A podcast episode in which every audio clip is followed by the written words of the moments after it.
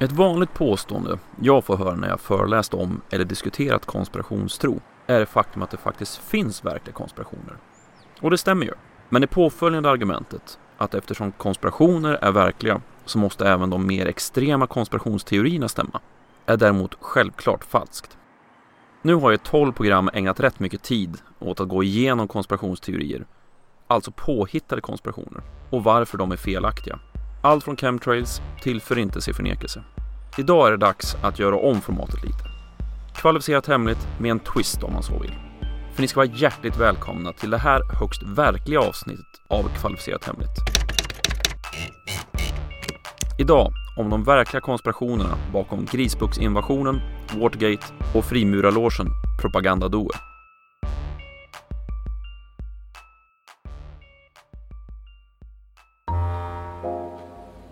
Forget the myths the media has created about the White House. The truth is, these are not very bright guys, and things got out of hand. The assault has begun on the dictatorship of Fidel Castro. Cuban Army pilots opened the first phase of organized revolt with bombing raids on three military bases. Two of the B 26 light bombers then seek asylum in Florida. On the heels of the air raids, landings were effected by rebels at several places on the Cuban coast, and the rebellion against the red tinged dictator was on. Ho studiato col fascismo, ho combattuto per il fascismo, sono un fascista e morirò fascista.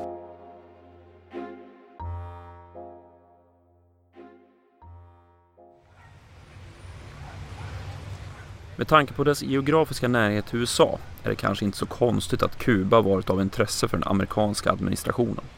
Kuba har under lång tid varit en spansk koloni, men 1895 gör kubanerna uppror mot de spanska styrkorna, understödda av USA. Men kriget ska komma att utvidgas. För den 15 februari 1898 exploderar plötsligt det amerikanska pansarskeppet USS Maine i hamnen i Havanna. USA hävdar att fartyget gick under på grund av en spansk mina, men troligtvis var det här en bekväm förevändning för att gå in i kriget. Än idag kan man inte säga säkert vad som skedde. Det finns studier som pekar på att explosionen skedde inuti skeppet, som till exempel en exploderande ångpanna.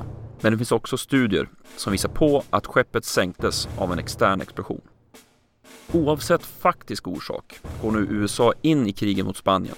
Det som kommer att kallas för det spansk-amerikanska kriget där inte bara Kuba står i fokus, utan även Filippinerna. På sensommaren inträder ett vapenstillestånd och ett definitivt fredsavtal skrivs på den 10 december 1898 i Paris. USA håller trupper kvar på Kuba fram till 1902 då den kubanska republiken utropas. Till president utnämns den kubanskfödde amerikanska medborgaren Thomas Estrada Palma. Det som händer därefter är ett stort inflöde av amerikaner och amerikanska företag och ganska snart är en majoritet av landägarna på Kuba just amerikaner. Vi hoppar framåt i tiden, till mitten av 1950-talet och tiden för det som kom att kallas den kubanska revolutionen. Vid den här tiden har generalen Fulgencio Batista makten och har infört något han kallar för disciplinär demokrati, det vill säga diktatur. Och även om föregångaren, Carlos Prio Socaras, i slutändan inte var mycket bättre, hade han i alla fall säkerställt ett antal demokratiska projekt och värnat om yttrandefriheten. Det här ledde till att det snart efter Batistas kupp etablerades ett motstånd, främst ute på landsbygden. Bland de här olika grupperingarna som kämpar mot Batista och hans trupper finns 26 juli-rörelsen som leds av en viss Fidel Castro. Mellan 1956 och 59 leder Castro upproret mot Batista från sin bas vid Sierra Maestra på östra delen av Kuba. Och trots hänsynslöshet och stort tryck mot civilbefolkningen påbörjade den kubanska armén en reträtt under 1958 och lagom till årsskiftet flyr så Batista Kuba. Med sig har han en enorm förmögenhet som han tillskansat sig under tiden som diktator. Bearing 26th of July banners, joyous followers of Fidel Castro sweep triumphantly through the Cuban capital hours after their rebellion had toppled the regime of Fulgencio Batista.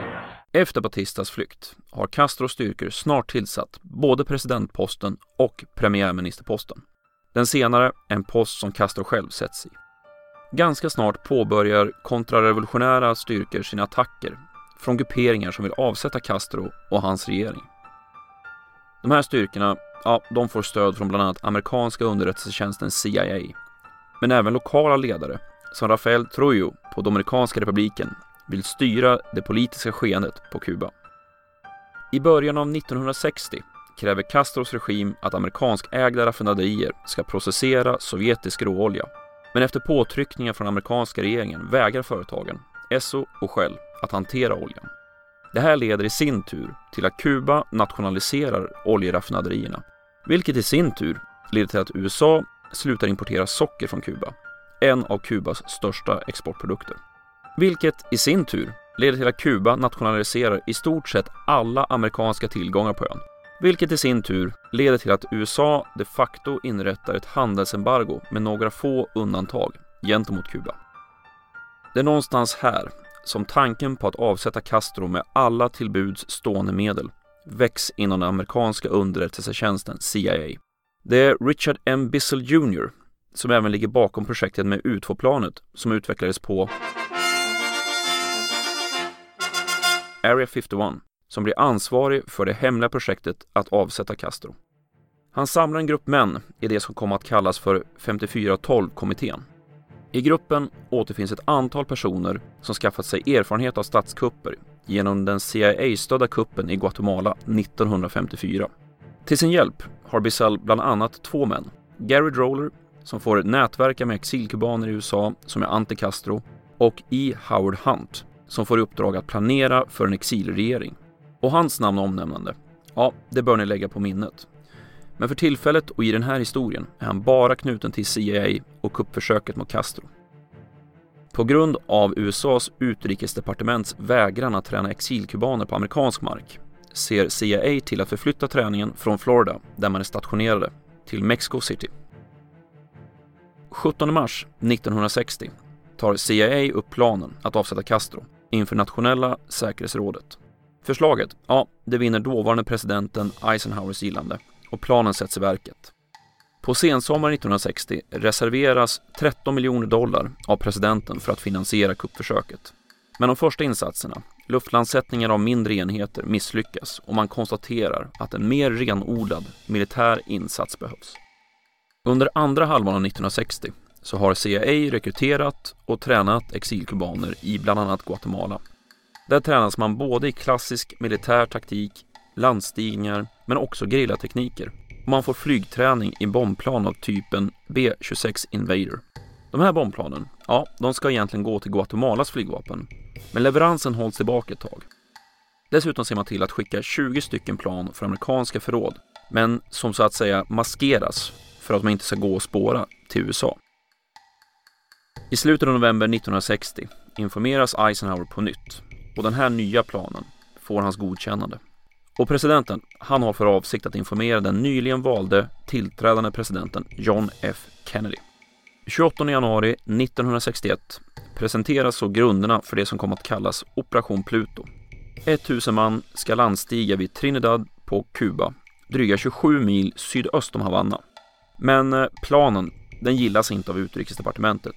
Så CIA skickas tillbaka till ritbordet för att ta fram en ny plan. I april så presenterar man så Operation Zapata, där man landstiger vid just Grisbukten, längre bort från folktäta områden, vilket i sin tur innebär att USA kommer att ha lättare för att dölja sin egen inblandning. På morgonen till den 15 april 1961 anfaller åtta stycken bombplan från den exilkubanska styrkan med kubanska flygvapnets markeringar, två stycken flygfält i närheten av Havanna och ett vid Santiago de Cuba. Tanken med det här är att slå ut större delen av kubanska flygvapnet. Men man misslyckas med det här. Någonting som kommer att visa sig ha stor inverkan på det kommande invasionsförsöket. Efter attacken anklagar Kubas FN-ambassadör USA för att ha attackerat landet. Någonting som förnekas starkt av USAs ambassadör Adelaide Stevenson han går så långt så att han påstår att USA skulle göra allt i sin makt för att inga amerikanska medborgare skulle ägna sig åt några som helst insatser mot Kuba överhuvudtaget. These charges are totally false and I deny them categorically. The United States has committed no aggression against Cuba and no offensive has been launched from Florida or from any other part of the United States. Sent på kvällen den 16 april samlas invasionsflottan bestående av fem stycken fraktfartyg 65 kilometer söder om Kuba då man seglat från Puerto Cabezas i Nicaragua. Färden till Kubas territorialvatten har skett under beskydd av ett antal fartyg från USAs flotta. Fartyg som fortsätter hålla sig i närheten efter att man lämnat av invasionsflottan. Under natten påbörjas landstigningar med småbåtar på flera ställen runt Grisbukten. Men flera haverier och misstag leder till att man inte lyckas landsätta i den takt som man har tänkt. Och när dagen gryr på morgonen den 17 april befinner sig fraktfartygen fortfarande nära land för att landsätta trupperna. Det innebär att fartygen blir måltavlor för de kubanska flygplan som klarade sig från flygattackerna två dagar tidigare. Det som nu följer de två nästkommande dagarna är en kollaps bland de invaderande styrkorna. Man lyckas inte med de luftlandsättningar man förutsatt sig göra. Och man lyckas inte heller upprätta de brohuvuden man tänkt sig. Istället mals styrkorna ner vid landstigningsplatserna av de kubanska styrkorna. Och även om det diskuteras intensivt inom administrationen så ingriper inte amerikanska styrkor i striderna. Däremot flyger stridsflyg från hangarfartyget USS Essex över området. Sent på kvällen den 19 april letar sig två jagare, USS Eaton och USS Murray, in i Grisbukten för att evakuera flyende trupper. Men man drar sig tillbaka då kubanska stridsvagnar börjar skjuta mot skeppen. När stridsdammet lagt sig har kubanska styrkorna slagit de invaderande trupperna. Men nedkämpandet av den exilkubanska styrkan är också en enorm propagandaseger för Castros Kuba och samtidigt en stor prestigeförlust för Kennedys USA. Den 21 april håller så Kennedy en presskonferens där han genom kraftigt politiskt färgat språk mer eller mindre erkänner att han som USAs president är ansvarig för det som skedde kring Grisbuksinvasionen. Victory has a hundred fathers and defeat is an orphan. I'm not to uh, conceal responsibility because I'm the responsible officer of the government, but merely because I, uh, and that is quite obvious, but merely because I do not uh, believe that uh, such a discussion uh, would benefit us during uh, the present uh, difficult Eh, situation. Utåt sett, det vill säga. För egentligen är Kennedy besviken och arg över hur det hela har hanterats. Han lär ha varit så frustrerad över CIAs arbete att han ska ha sagt att han ville splittra underrättelsetjänsten i tusen bitar och låta den spridas för vinden. Å andra sidan hindrar inte det här honom att återigen ta upp tankarna på att störta Castro under hösten 1961. För det var då som Operation Mongoose sattes i verket. Ett projekt där statssponsrad terrorism och mordförsök på Castro var pusselbitar för att göra Kuba fritt från kommunister.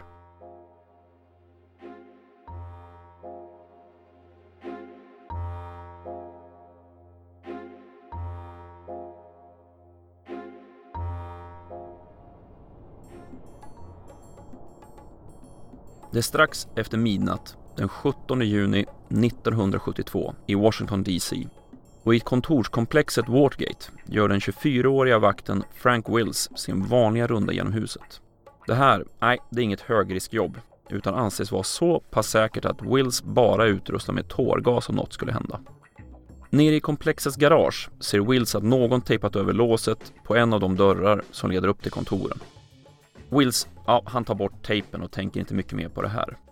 Men när han passerar dörren igen en halvtimme senare och mer tejp har satts på låset blir han misstänksam och kontaktar polisen som genomsöker kontoren. Polisen, ja, de hittar fem män i ett av kontoren som hyrs av det demokratiska partiet och arresterar dem. Den här incidenten, det var startskottet för det som kom att kallas för Watergate-skandalen. Men för att vi ska få en bild av hela det här skenet behöver vi backa dryga ett år tillbaka i tiden till den perioden då de berömda Pentagon Papers läcktes till pressen av Daniel Ellsberg, en försvarsanställd. De här dokumenten, de visade att USAs inblandning i Vietnamkriget var mycket större än vad tidigare presidenten Lyndon B Johnson berättat för kongressen och allmänheten. Dessutom visar de att den militära ledningen inte räknar med att nuvarande insats skulle räcka för att vinna kriget, något man underlät att berätta. Ellsbergs läckande var inte bara besvärande i vad den avslöjade, Vita huset var också frustrerade över läckor som spred hemlig information till pressen. President Nixon krävde åtgärder för att plugga till de här läckorna och det var då som rörmokarna i Vita huset föddes. Den här enheten, som egentligen kallades för Special Investigation Unit, etablerades sommaren 1971 och var en hemlig grupp vars syfte som sagt var att säkra Vita huset mot läckor. Skälet att man höll gruppen hemlig stod snart klart, därför man inte drog sig för att genomföra brottsliga handlingar för att nå sitt mål. Handlingar som till exempel inbrott. I Kalifornien bröt man sig in hos den psykiater som behandlade Daniel Ellsberg, mannen som släppt Pentagon-dokumenten. Männen som genomförde operationen hittade ingenting, men psykiatern hittade Ellsbergs mapp liggande på golvet dagen efter. Gruppen försökte också gräva och hitta oegentligheter i fallet med senator Ted Kennedys bilolycka vid Chappaquiddick. I den här rörmokargruppen ingick både Vita huset-personal som G. Gordon Liddy, aktiv i Nixons omvalskampanj, och inhyrd personal som en tidigare CIA-agent, E. Howard Hunt. Ja, jag sa ju att hans namn skulle återkomma. Omvalskampanjerna. Det formella namnet är The Committee to Re-elect the President och i organisationen jobbar Liddy som chefsjurist. I början av 1972 samlar han medlemmar från omvalskampanjen och Nixons stab, bland annat justitieministern John Mitchell, och berättar om en plan han har. Att bryta sig in i Demokraternas partihögkvarter för att installera avlyssningsutrustning och därmed hålla koll på de politiska motståndarna. Åsikterna och vittnesmålen går isär om vem som beslutade och gjorde exakt vad. Men Liddy och Hunt samt säkerhetsansvarig för omvalskampanjen, James McCord, är i alla fall inblandade i, och enligt vissa, ansvariga för beslutet att bryta sig in i Demokraternas kontor för att stjäla kampanjmaterial samt bugga telefonerna. Man gör ett första inbrott i slutet av maj med en tidigare FBI-agent som planterar avlyssningsutrustning på telefonerna i kontoret. Men den här utrustningen, ja, den slutar snart att fungera och behöver bytas ut. Vilket för oss tillbaka till natten den 17 juni 1972 och gripandet av fem män inne i Demokraternas valkontor. Men i det här läget vet polisen inte riktigt vilka man har gripit. Däremot blir man lite förbryllade av att två av de gripna, för detta veteraner från Grisbuxinvasionen, har numret till Vita husmedarbetaren E. Howard Hunt i sina adressböcker. 20 juni uppmärksammas gripandet av Washington Posts Bob Woodward och det faktum att en av de gripna har en regeringstjänstemans kontaktuppgifter. Och nu börjar den här mediala stenen rulla fortare och fortare. 1 augusti rapporterar Washington Post att en check som var ämnad för Nixons omvalskampanj har satts in på ett konto som tillhör en av de gripna från Watergate. Genom ett intrikat ekonomiskt system har pengar förflyttats mellan Nixons kampanj till att finansiera hemliga operationer mot politiska motståndare. Och med den här detaljen på plats kan man knyta inbrottstjuvarna till omvalskampanjen. 29 september kommer nyheten att den tidigare justitieministern John Mitchell, numera kampanjchef för Nixons omvalskampanj, hade under sin tid som justitieminister tillgång till en hemlig fond för att finansiera spioneri på Demokraterna. 10 oktober uppdagas det att FBI kan knyta inbrottet hos Demokraterna till både omvalskampanjen för Richard Nixon och till Vita huset. Men det här, det tycks spela väldigt lite roll inför presidentvalet som USA precis står inför. Richard Nixon vinner en av de största vinsterna någonsin i USAs valhistoria mot Demokraternas George McGovern. I januari 1973 startar rättegången mot de fem gripna männen från Watergate samt mot G. Gordon Liddy och mot James McCord. De står åtalade för stämpling, inbrott och avlyssning och alla männen erkänner sig skyldiga under rättegången. Men frågetecken kvarstår och Nixon tillsammans med sin stab inser att frågorna kommer att leda till Vita huset. 7 februari röstar så senaten enhälligt för att sätta upp ett utskott för att utreda organisationen bakom presidentens omvalskampanj. En av Watergate-männen som dömdes i rättegången i januari, James McCord, skickar ett brev till rättegångens domare i slutet av mars 1973. I brevet gör han klart att de dömda männen känner sig tvingade att erkänna sig skyldiga och ljuga under ed. Dessutom förklarar han att den som tvingade männen att ljuga inte var någon annan än presidentens rådgivare, John Dean, samt justitieministern John Mitchell. Presidentens rådgivare, John Dean, anar vid den här tiden att han luras i en fälla av andra inom administrationen och ska bli syndabock för vad som skedde kring Watergate. Så Dean börjar i april samarbeta med senatens utredning av Watergate-skandalen. President Nixon, ja, han försöker distansera sig från det som har skett genom att tre av hans medarbetare får avgå, men på sådant sätt att presidenten inte dras med i Watergate-skandalen, medan John Dean, ja, han får sparken. Senatens utskottsförhör påbörjas under maj månad och det är i de här förhören som John Dean berättar att han har diskuterat mörkandet av Watergate med presidenten 35 gånger. Dessutom ska presidenten varit involverad direkt efter inbrottet vid Watergate samt att Vita huset haft en omfattande politiskt spionerande de senaste åren. I början av juli 1973 förklarar Nixon att han inte tänker vittna inför utskottsförhören samt att Vita huset inte kommer att delge utskottet relevant dokumentation. Men det är nu som ett dråpslag levereras av en av Nixons sekreterare, Alexander P. Butterfield. Han berättar under utskottsförhören att Nixon lät installera inspelningsutrustning i Vita huset. Telefonsamtal samt samtal i ovala rummet ska ha spelats in sedan 1971. Mr. Butterfield, are you aware of the installation of any listening devices in the Oval Office of the President? I was aware of listening devices. Yes, sir. When were those devices placed in the Oval Office? Approximately the summer of 1970. I cannot begin to recall the precise date. Föga förvånande vägrar Nixon att lämna över några som helst band från de här inspelningarna. Det i sin tur leder till att både utskottet och den särskilda åklagaren som utreder Watergate stämmer Vita huset för att de ska lämna ut banden. I den här något upphetsade situationen kräver så Nixon att dåvarande justitieministern, Elliot Richardson, ska sparka Watergate-utredningens åklagare då han vägrar ta tillbaka stämningen. Ministern vägrar och han blir sparkad. Hans ersättare, William Ruckelhaus, får samma krav på sig och när även han vägrar sparkas han i sin tur. Nu ligger ansvaret på riksåklagaren Robert Bork att sparka åklagaren, vilket han också till slut gör. Allt det här, det sker under en enda lördagkväll, vilket gör att den här händelsen blev känd som The Saturday Night Massacre. Good evening. The country tonight is in the midst of what may be the most serious constitutional crisis in its history. The president has fired the special Watergate prosecutor, Archibald Cox. Because of the president's action, the attorney general has resigned. Elliot Richardson has quit saying he cannot carry out Mr Nixons instruction. Det här är den sista politiska droppen och kongressen bör nu prata om riksrätt mot presidenten. Nixon, han försvarar sig under en presskonferens med det berömda uttalet att jag är ingen skurk. I have never obstructed justice. And I think too that I can say that in my years of public life that I welcome this kind of examination because people have got to know whether or not their president is a crook. Well, I'm not a crook. Men till slut måste han ge med sig och lämnar ut ett antal inspelningar. Vi hoppar fram till februari 1974 och representanthuset röstar för att man ska utreda om det finns en juridisk grund för att ställa president Richard M. Nixon inför rätta.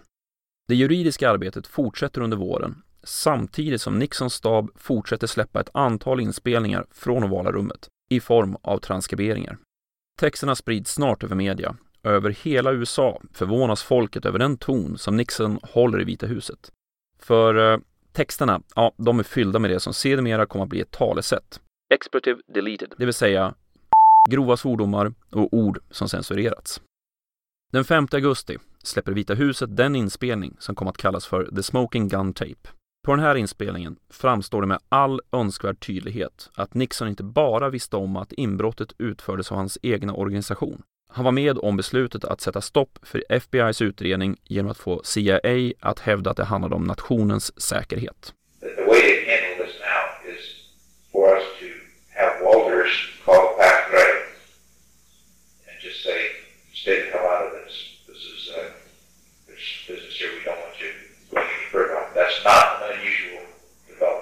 Efter det här, ja, då blir läget ohållbart och den 8 augusti meddelar Richard Nixon att han kommer att avgå nästföljande dag. Därmed blir han också den första presidenten i USAs historia att avgå från sitt ämbete.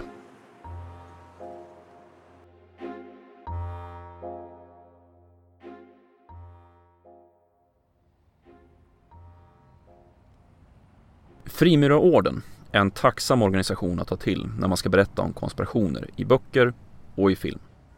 Den här sammanslutningen med anor från 1600-talet är fortfarande i våra dagar omgärdad med mystik och många konspirationsteorier. Men när det kommer till den italienska logen Propaganda Due är det frågan om verkligheten överträffar dikten. För vi har ekonomisk brottslighet med miljarder dollar i potten, kopplingar till underrättelsetjänsten, militären, terrorister och maffian. Vi har politisk och juridisk påverkan och inte minst ond, bråd död. Frimurarlogen Propaganda Due uppstod efter andra världskriget i Italien. Under Mussolinis tid vid makten var eh, frimurarna förbjudna att verka, men efter krigsslutet kunde man åter ta upp sin verksamhet. Och under cirka 20 år förde den här logen en tynande tillvaro för att nästan helt upphöra. Men 1966 omorganiserar finansmannen Licio Geli logen och börjar rekrytera medlemmar.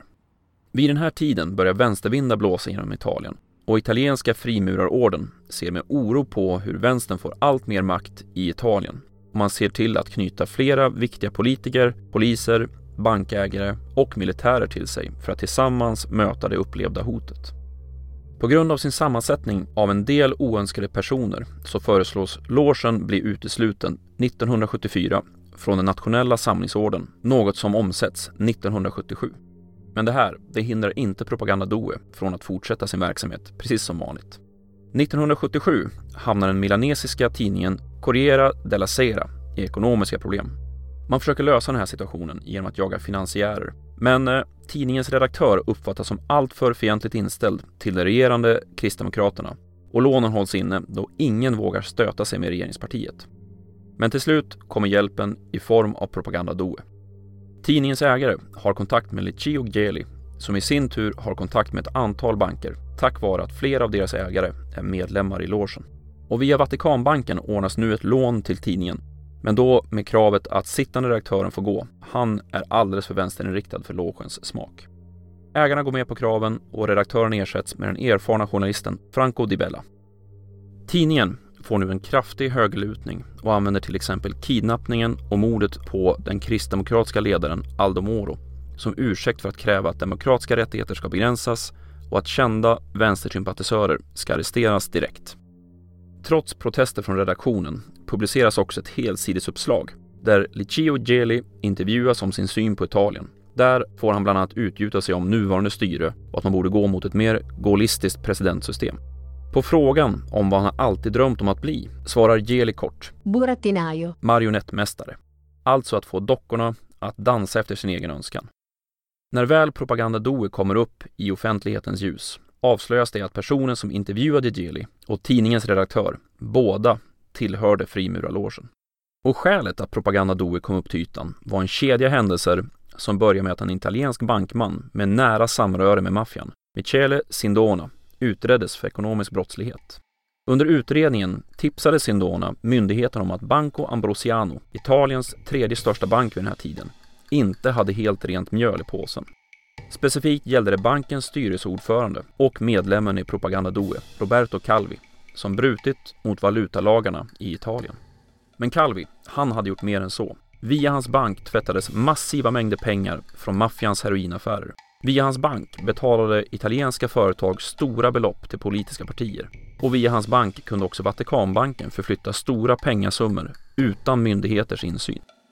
Polisen, de fortsätter sin utredning och i mars 1981 utför man en husrannsakan hos Licio Geli i staden Arezzo. Vid räden hittar man en medlemslista för frimurarlogen Propaganda Due. Listan är politiskt och medialt sprängstoft. För på den återfinns namn på politiker, polis, militär, personer i affärsvärlden samt de högsta cheferna från tre av Italiens underrättelsetjänster. Michele Sindona, bankmannen där avslöjandet började, satt vid den här tiden i fängelse i USA för ett antal ekonomiska brott. Men eh, Italien, de begärde honom utlämnad för att kunna pröva honom för mord.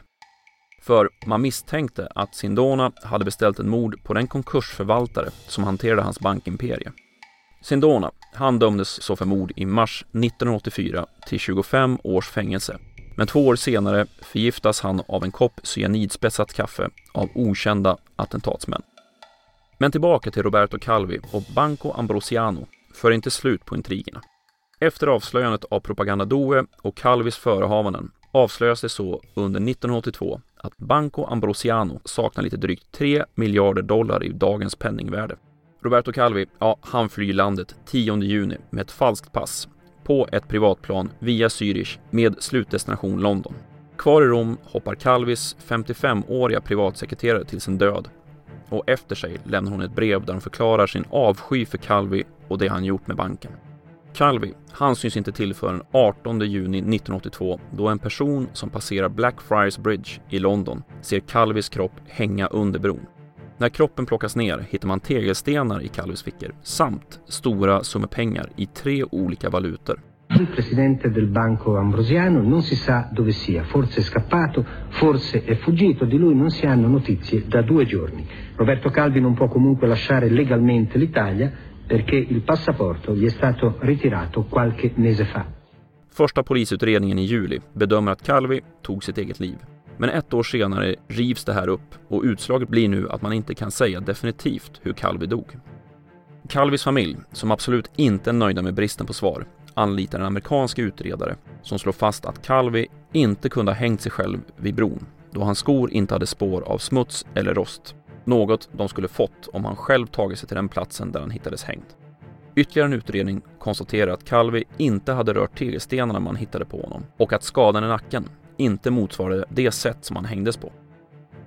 Slutligen, när Calvis kropp hittades var tidvattnet i London lågt.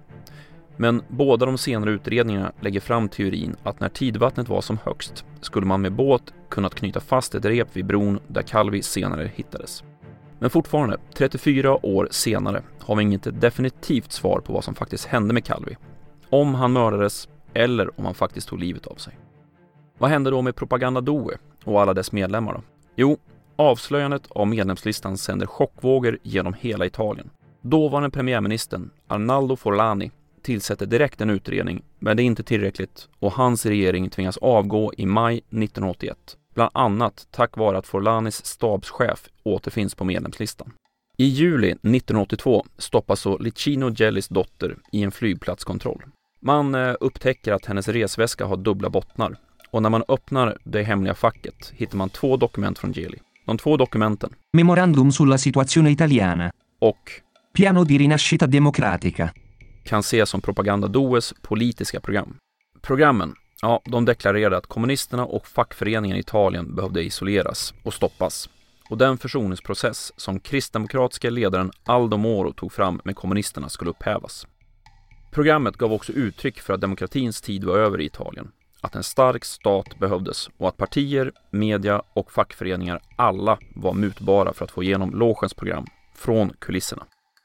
Den kommission som tillsatts av dåvarande premiärministern Commissione parlamentare d'inchiesta sulla loggia massonica P2 levererade så sin slutrapport med kristdemokraten Tina Anselmi som ordförande 1984.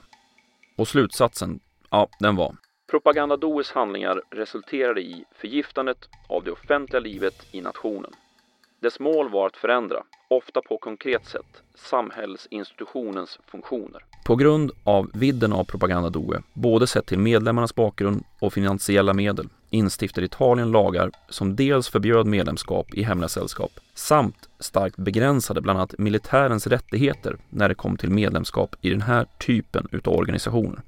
Och Felicino Geli slutade han sina dagar förvisso inblandade i ett antal rättsfall kopplat både till Banco Ambrosianos kollaps och Propaganda due. Men eh, domen, ja, det bestod av husarrest i hans villa i Arezzo, där han ofta tog emot gäster och höll ett antal intervjuer. Gelli avled i december 2015, 96 år gammal. Även om de här tre konspirationerna är verkliga så lider de av samma problem som konspirationsteorierna. Det är svårt att ge en rättvis och heltäckande bild i ett kort poddavsnitt. Till exempel i grisbuxinvasionens fall har vi ju den påföljande Operation Mongoose med planerade mordförsök på Castro, inklusive kontakterna och samarbetet med maffian. När vi pratar om Watergate vore nästan till tjänstefel att inte påpeka hela spåret med en källa, Deep Throat, som Washington Post hade hjälp av för att nysta upp konspirationen. I Propaganda Does fall spelar Italiens otroligt skakiga situation under 70 och 80-talet in. Vi har inte bara korrupta politiker och poliser utan också kopplingar till maffian, terrorister och underrättelsetjänster samt kuppförsök. Och då kan vi också lägga till mytbildningen kring frimurarorden, vilket gör sållandet av sant och falskt ännu mer utmanande. Men de här tre konspirationerna från historien är bra exempel på hur verkliga konspirationer utvecklar sig. Det är förvisso mäktiga individer som är ute efter mer makt och mer pengar. Men det är också allt, om man nu kan säga så. Det här, det är långt ifrån det konspirationstänk som genomsyrar alternativrörelsen där makt bara är första steget för att förslava mänskligheten och skapa en världsregering och där beveksgrunden för de här planerna är eh, orsaker. Men vi kan konstatera att konspirationer absolut finns och har funnits. Vi kan också konstatera att till exempel USA med sin underrättelseapparat absolut varit inblandad i många skumraskaffärer i sitt närområde men också globalt. Men det mest uppenbara i det här är att de här konspirationerna avslöjas. Saker kommer inte ske som det är tänkt. Någon av de inblandade kommer att prata bredvid mun. Myndigheter kommer dem på spåren. Konspiratörerna är klantiga. Exemplen är otaliga. Likväl finns det folk där ute som tror på den absoluta konspirationen. Att det finns något så diaboliskt, så absurt omfattande och så sinnessjukt komplext att ingen av oss kan förstå omfattningen. Så svaret på frågan om verkliga konspirationer finns är det ett definitivt ja. Men de har väldigt lite att göra med de fria fantasier som konspirationstroende mer än gärna slänger sig med. Du har lyssnat på Kvalificerat Hemligt, en poddradio om konspirationsteorier och vetenskap. Länkar till musiken, videoklipp och annat som nämns i programmet återfinns på programmets hemsida, khpodden.se. Jag heter C. Åkerberg och tack för att du har lyssnat.